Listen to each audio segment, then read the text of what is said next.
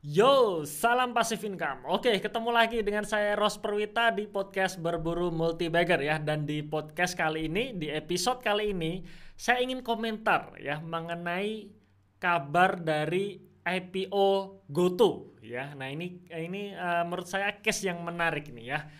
Cuman sebelum uh, kita mulai ya, uh, sebelum saya komentar, kita akan menjawab dulu dari beberapa pertanyaan yang sudah diajukan teman-teman ya. Yang pertama uh, ini melalui kolom komentar di channel YouTube ya, channel YouTube berburu multibagger. Di sini dari Pak Michael Layadi, ADFM dong, ADMF sorry ya. Oke, uh, eh, ADMF kebetulan saya belum punya datanya ya, jadi saya belum melihat, saya belum uh, analisa seperti apa bisnisnya, jadi saya uh, tidak tahu, jadi saya mohon maaf belum bisa komentar. Kemudian dari Pak Vulkan ya, Terima kasih analisanya. Kalau saham seperti Unilever yang tiap tahun profit terus dengan fundamental bagus, bagaimana menjelaskan bahwa sahamnya turun terus gitu ya? Oke, jadi uh, mungkin di sini maksudnya adalah untuk tujuan investing ya. Untuk tujuan investing bukan untuk trading. Jadi uh, kenapa saham Unilever turun ya? Se sejak 2019 bahkan ya, 2019 sampai sekarang trennya masih turun. Kenapa? Kalau saya katakan ya karena laba bersihnya turun ya laba bersihnya turun uh, plus tahun 2021 ini kena sentimen negatif ya berupa PPKM yang di mana daya beli masyarakat turun itu menyebabkan harga saham Unilever juga turun. Sebenarnya bukan hanya Unilever saja tapi semua saham consumer good turun ya ICBP, MYO, RHMSP kemudian GGRM, kemudian dan sebagainya itu turun ya. Menurut saya saat ini ya murah gitu Ya, nah uh, seperti ini ya, mungkin saya tambahkan sedikit. Kalau kita misalkan kita memang berniat untuk investing, maka memilih perusahaan yang bagus saja tidak cukup, tetapi harus membelinya di harga murah. Supaya apa? Supaya ya yieldnya akan lebih maksimal kalau misalkan kita punya perusahaan bagus di harga murah, ya. Berbeda kalau misalkan kita beli di harga yang sudah mahal, maka yieldnya pun akan uh, tidak maksimal seperti itu ya. Jadi bukan hanya asal beli ya, asal profit padahal profitnya turun ya, growth-nya turun ya. Jadi sebenarnya itu juga nggak bagus juga karena yang kita cari adalah growth yang tumbuh ya, laba bersihnya tumbuh. Ya. Uh, Unilever termasuk salah satu yang sampai sekarang growth-nya turun ya dari terakhir tuh 2018 ke 2019 turun, 2020 turun, 2021 makin turun gitu. Ya, jadi kita pilih perusahaan yang bagus. Ini kalau investing, pilih perusahaan bagus yang growth-nya masih ada, growth laba bersih terutama, dan membelinya di harga murah seperti itu ya. Oke, semoga bisa menjawab. Kemudian dari Pak Michael Layadi lagi, selain komoditas, kira-kira saham di sektor apa gitu ya? Selain komoditas untuk nextnya kalau saya sendiri ada otomotif dan juga akan diikuti juga dengan properti ya. Jadi ini siklusnya menurut saya bareng gitu ya. Komoditas naik setelah komoditas biasanya diikuti dengan properti dan juga otomotif. Ini kalau saya cerita dengan uh, saya tanya ke teman saya yang kerja di tambang biasa seperti itu. Karena orang-orang kaya di tambang ketika harga komoditas naik dia panen duit Kemudian duitnya dibelikan apa? Ya kalau nggak mobil ya rumah gitu. Bahkan dua-duanya. Jadi setelah mereka punya duit, ya mereka akan beli uh, apa namanya beli properti dan juga beli mobil. Ya maka setelah komoditas pasti akan diikuti dengan properti dan juga otomotif ya. Seperti itu kira-kira siklusnya ya. Oke. Emas termasuk komoditas? Ya, emas termasuk komoditas. Oke, nah mungkin uh, itu saja teman-teman ya. Itu saja pertanyaannya ya, karena kalau yang lain kebanyakan adalah komentar gitu ya, komentar ya. Tapi terima kasih ya teman-teman yang sudah berkomentar maupun bertanya.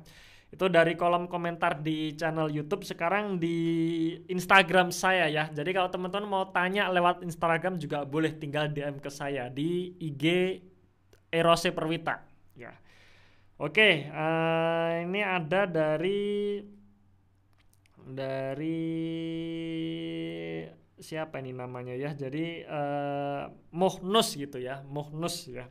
Assalamualaikum, uh, selamat pagi, waalaikumsalam ya. Uh, jadi beliau ini tanya kira-kira untuk investasi bagus saham SIDO atau EKAD ya. Beliau ingin investasi jangka panjang 5 sampai 10 tahun kira-kira seperti itu. Kira-kira bagus SIDO atau EKAD. Nah, kalau saya menilai dua saham ini ya, eh, antara SIDO dan juga EKAD, dua-duanya memang saat ini masih bagus dan masih layak dikoleksi untuk investasi jangka panjang. Cuman seperti ini, kalau kita misalkan ingin investing, maka hal pertama yang harus diperhatikan adalah kita ngerti bisnisnya dan kita seneng bisnisnya. Nah, jadi apakah pilih SIDO atau EKD? Jadi tergantung jawabannya, tergantung suka bisnis yang mana SIDO atau bisnisnya EKAD. Karena seperti ini, ketika kita bicara hold saham dalam jangka yang sangat lama, maka kan kita harus loyal ya. Kita kan ibaratnya harus loyal atau kita yakin nih ngehold saham ini. Nah sekarang bagaimana kita bisa yakin atau kita bisa loyal kalau kita nggak ngerti bisnisnya? Ya maka eh, kenal dengan bisnisnya itu sangat penting ya alias wajib bagi kita seorang investor jangka panjang ya.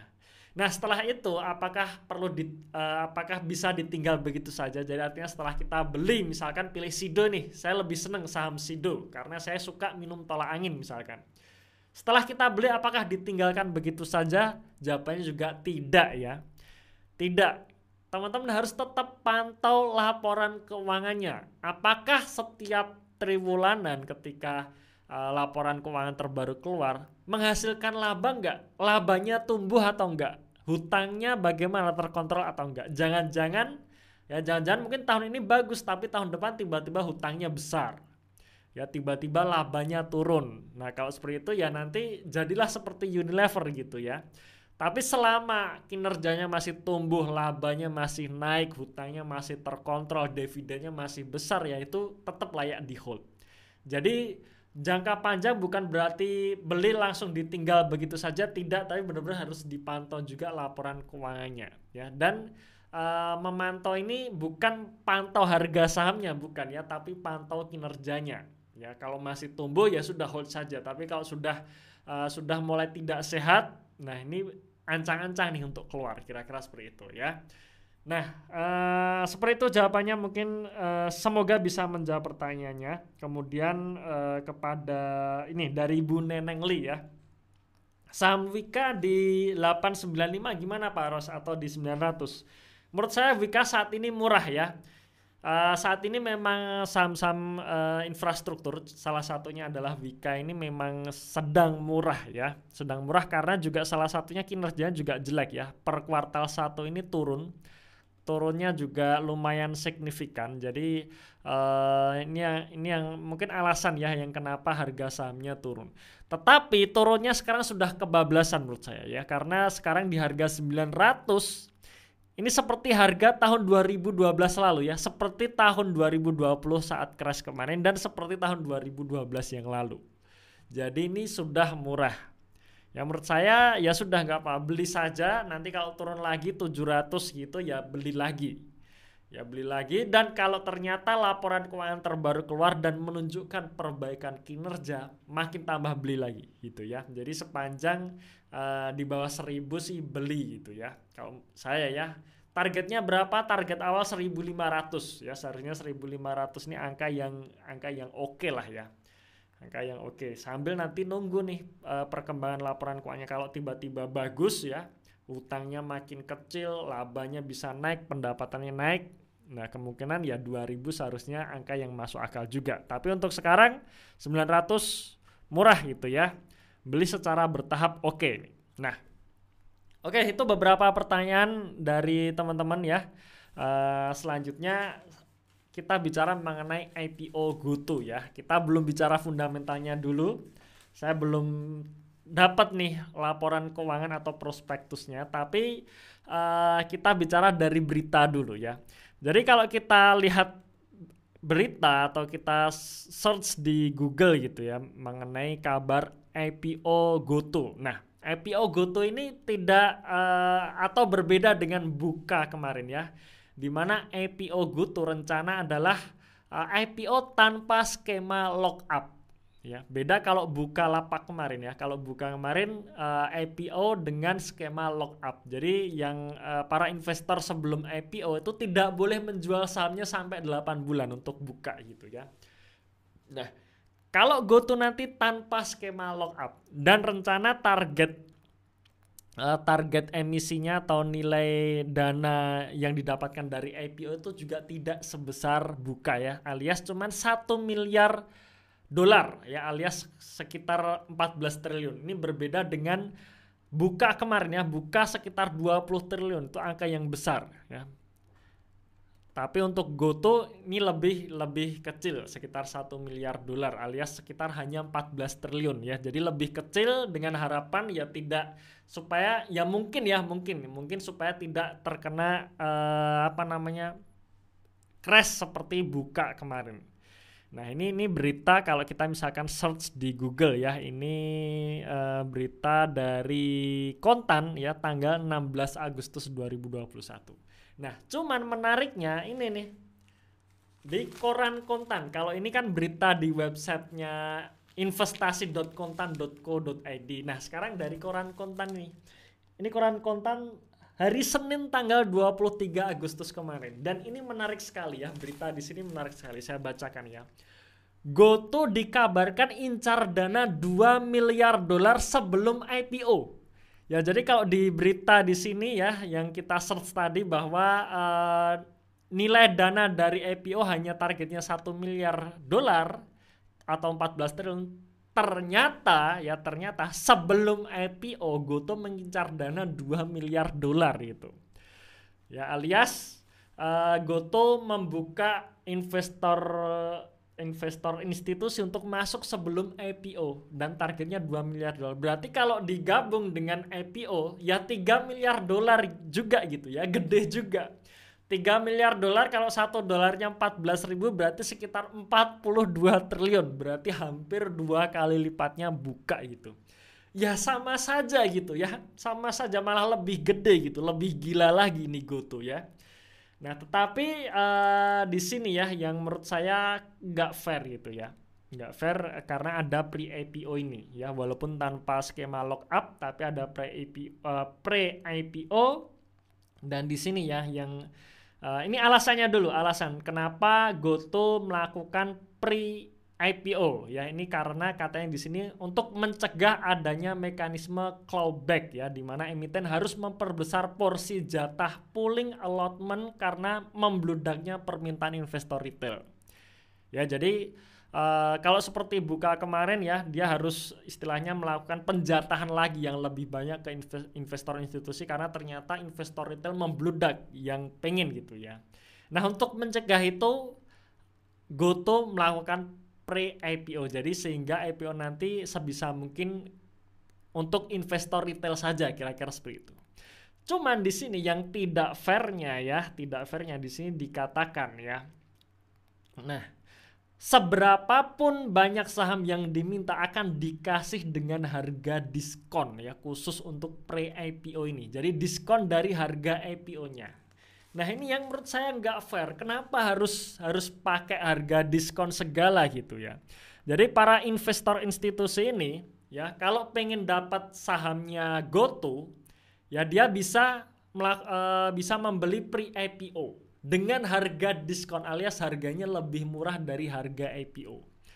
Nah, kenapa harus seperti ini gitu? Ini kan jadi nggak fair gitu ya. Pertama, uh, jumlah dananya tetap lebih besar dari buka ya, sekitar 42 triliun.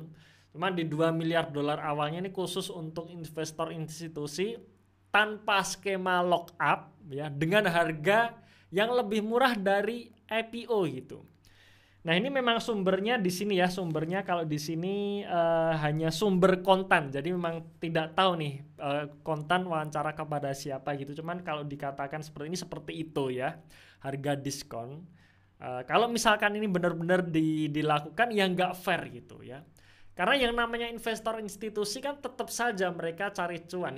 Investor institusi misalkan dia ngelola dana uh, misalkan untuk untuk dana pensiun atau untuk asuransi atau dan sebagainya. Mereka kan juga cari cuan. Artinya nggak di hold gitu. Bisa dilepas juga.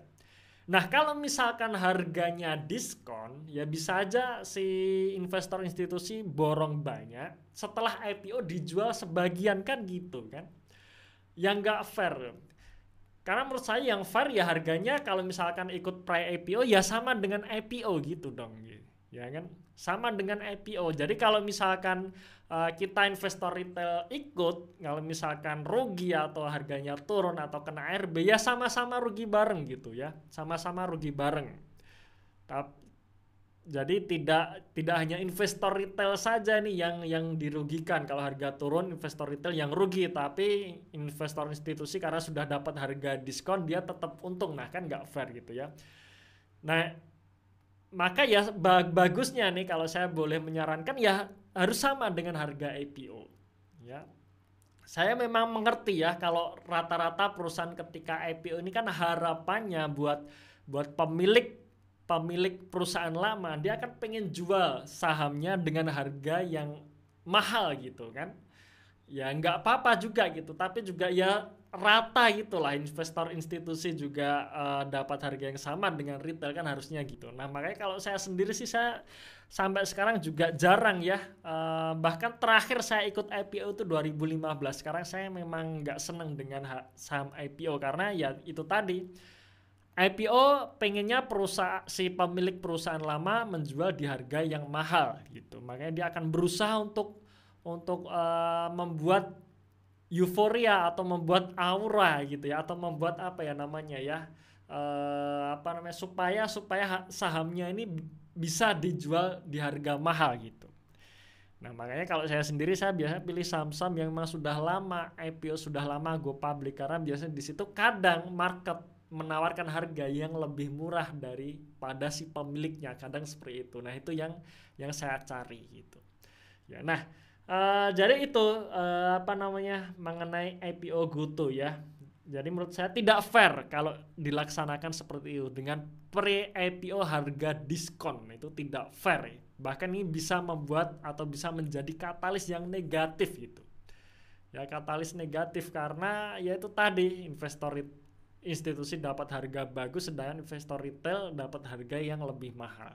Ya harapannya ini nggak benar gitu ya. Harapannya ini hanya berita simpang siur saja. Semoga semoga tidak benar, semoga tetap sama-sama fair gitu ya, sama-sama harganya harganya sama gitu. Jadi kalau misalkan nanti harga saham GoTo itu kena ARB terus ya investor retail rugi ya investor institusi ya ikut juga lah ya ikut rugi juga gitu ya. Jadi nggak melulu harus untung atas penderitaan retail kan gitu kan kasihan investor retail gitu ya. Nah oke okay, uh, eh, mungkin kira-kira itu teman-teman sekalian ya mengenai kabar dari saham GoTo ya. Saya belum belum pegang prospektusnya jadi saya belum banyak komentar mengenai fundamental perusahaannya. Tapi kalau saya sendiri ya saya sendiri saya uh, tidak sampai sekarang saya nggak tertarik untuk ikut saham IPO ya. Karena alasannya itu tadi ya. Uh, pasti biasanya dijual di harga mahal ya Oke, terima kasih sudah mendengarkan podcast ini sampai selesai ya. Teman-teman silahkan kunjungi website saya perwita.com karena di situ saya nulis blog ya, nulis blog, nulis artikel yang siapa tahu juga bisa bisa menambah wawasan teman-teman sekalian. Oke, terima kasih sudah mendengarkan sampai akhir. Tunggu episode selanjutnya dan salam passive income.